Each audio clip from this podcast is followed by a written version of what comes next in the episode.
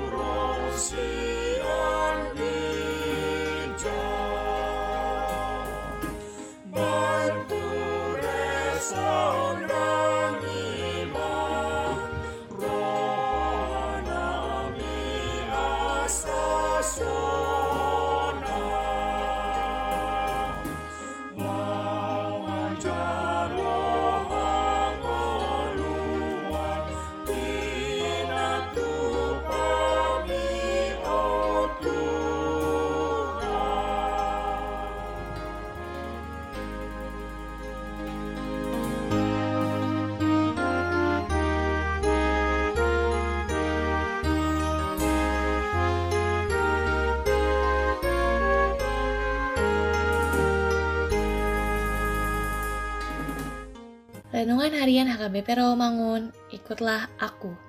Rabu 26 Januari 2022. Dengan judul Orang Bijaksana Akan Bercahaya. Bacaan pagi kita pada hari ini diambil dari Markus 3 ayat 1 sampai 6. Bacaan malam kita pada hari ini diambil dari Yohanes 6 ayat 30 sampai 40.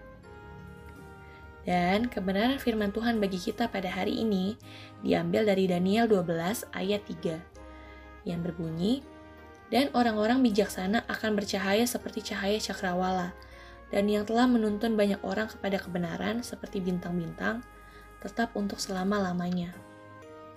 Orang bijaksana merupakan orang yang memiliki akal budi, bersikap hidup yang menjadi teladan, dan cakap dalam bertindak yang didasarkan pada ketulusan hati, serta kemurnian hati yang suci sebagaimana orang saleh. Mereka menunjukkan hikmat mereka bukan hanya dengan hidup mereka, tetapi dengan efek kehidupan dan kesaksian mereka, karena mereka menuntun banyak orang kepada jalan hidup yang benar di dalam kasih Tuhan. Cahaya kemuliaan Allah akan terpancar di dalam dan melalui mereka menjadi terang bagi orang lain.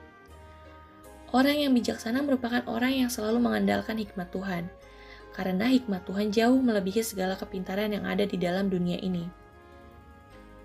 Renungan ini mengajak kita untuk melihat dan merenungkan perjalanan hidup kita. Sudahkah kita memenuhi kriteria sebagai orang-orang bijaksana yang dapat menuntun orang lain kepada kebenaran Tuhan?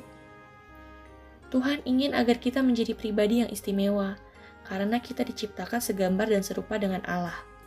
Maka sudah seharusnya kita tidak menjadi orang yang biasa-biasa saja, melainkan menjadi seseorang yang istimewa yang berdampak bagi orang lain di sekitar kita. Tuhan memberkati kita supaya kita menjadi berkat bagi orang lain.